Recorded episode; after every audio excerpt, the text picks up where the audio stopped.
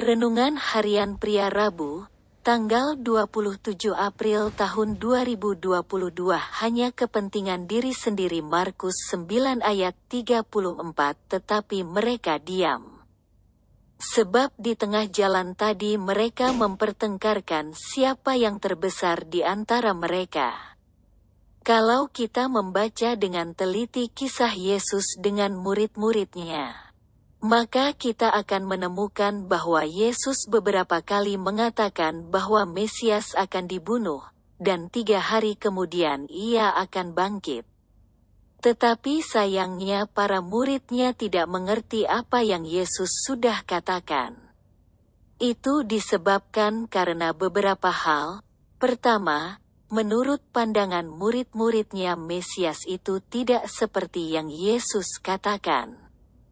Dan kedua, karena para murid-muridnya hanya berpikir untuk diri sendiri saja.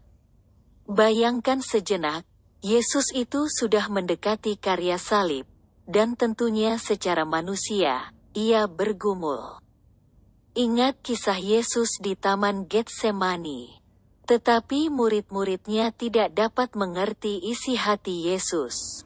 Mereka malah mempertengkarkan siapa yang paling besar di antara mereka. Kita juga dapat menjadi seperti murid-murid Yesus yang tidak mengerti apa yang menjadi kehendak Tuhan. Dan kita akhirnya hanya memikirkan diri sendiri dan kepentingan sendiri saja.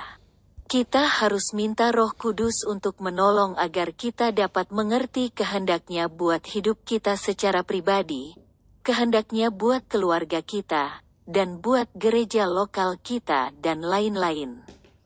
Ketika kita mengerti kehendak Tuhan dan mau hidup dalam kehendaknya, maka kita tidak berfokus pada kepentingan diri sendiri, tetapi berfokus pada kepentingan Tuhan dan kerajaannya. Refleksi diri. Apa yang firman Tuhan katakan kepada Anda? Bagaimana kehidupan Anda dengan firman Tuhan itu? Catat komitmen Anda terhadap firman Tuhan itu. Doakan komitmen Anda itu, pengakuan iman. Dengan pertolongan Tuhan saya belajar mengerti kehendak Tuhan dan saya hidup di dalam kehendaknya.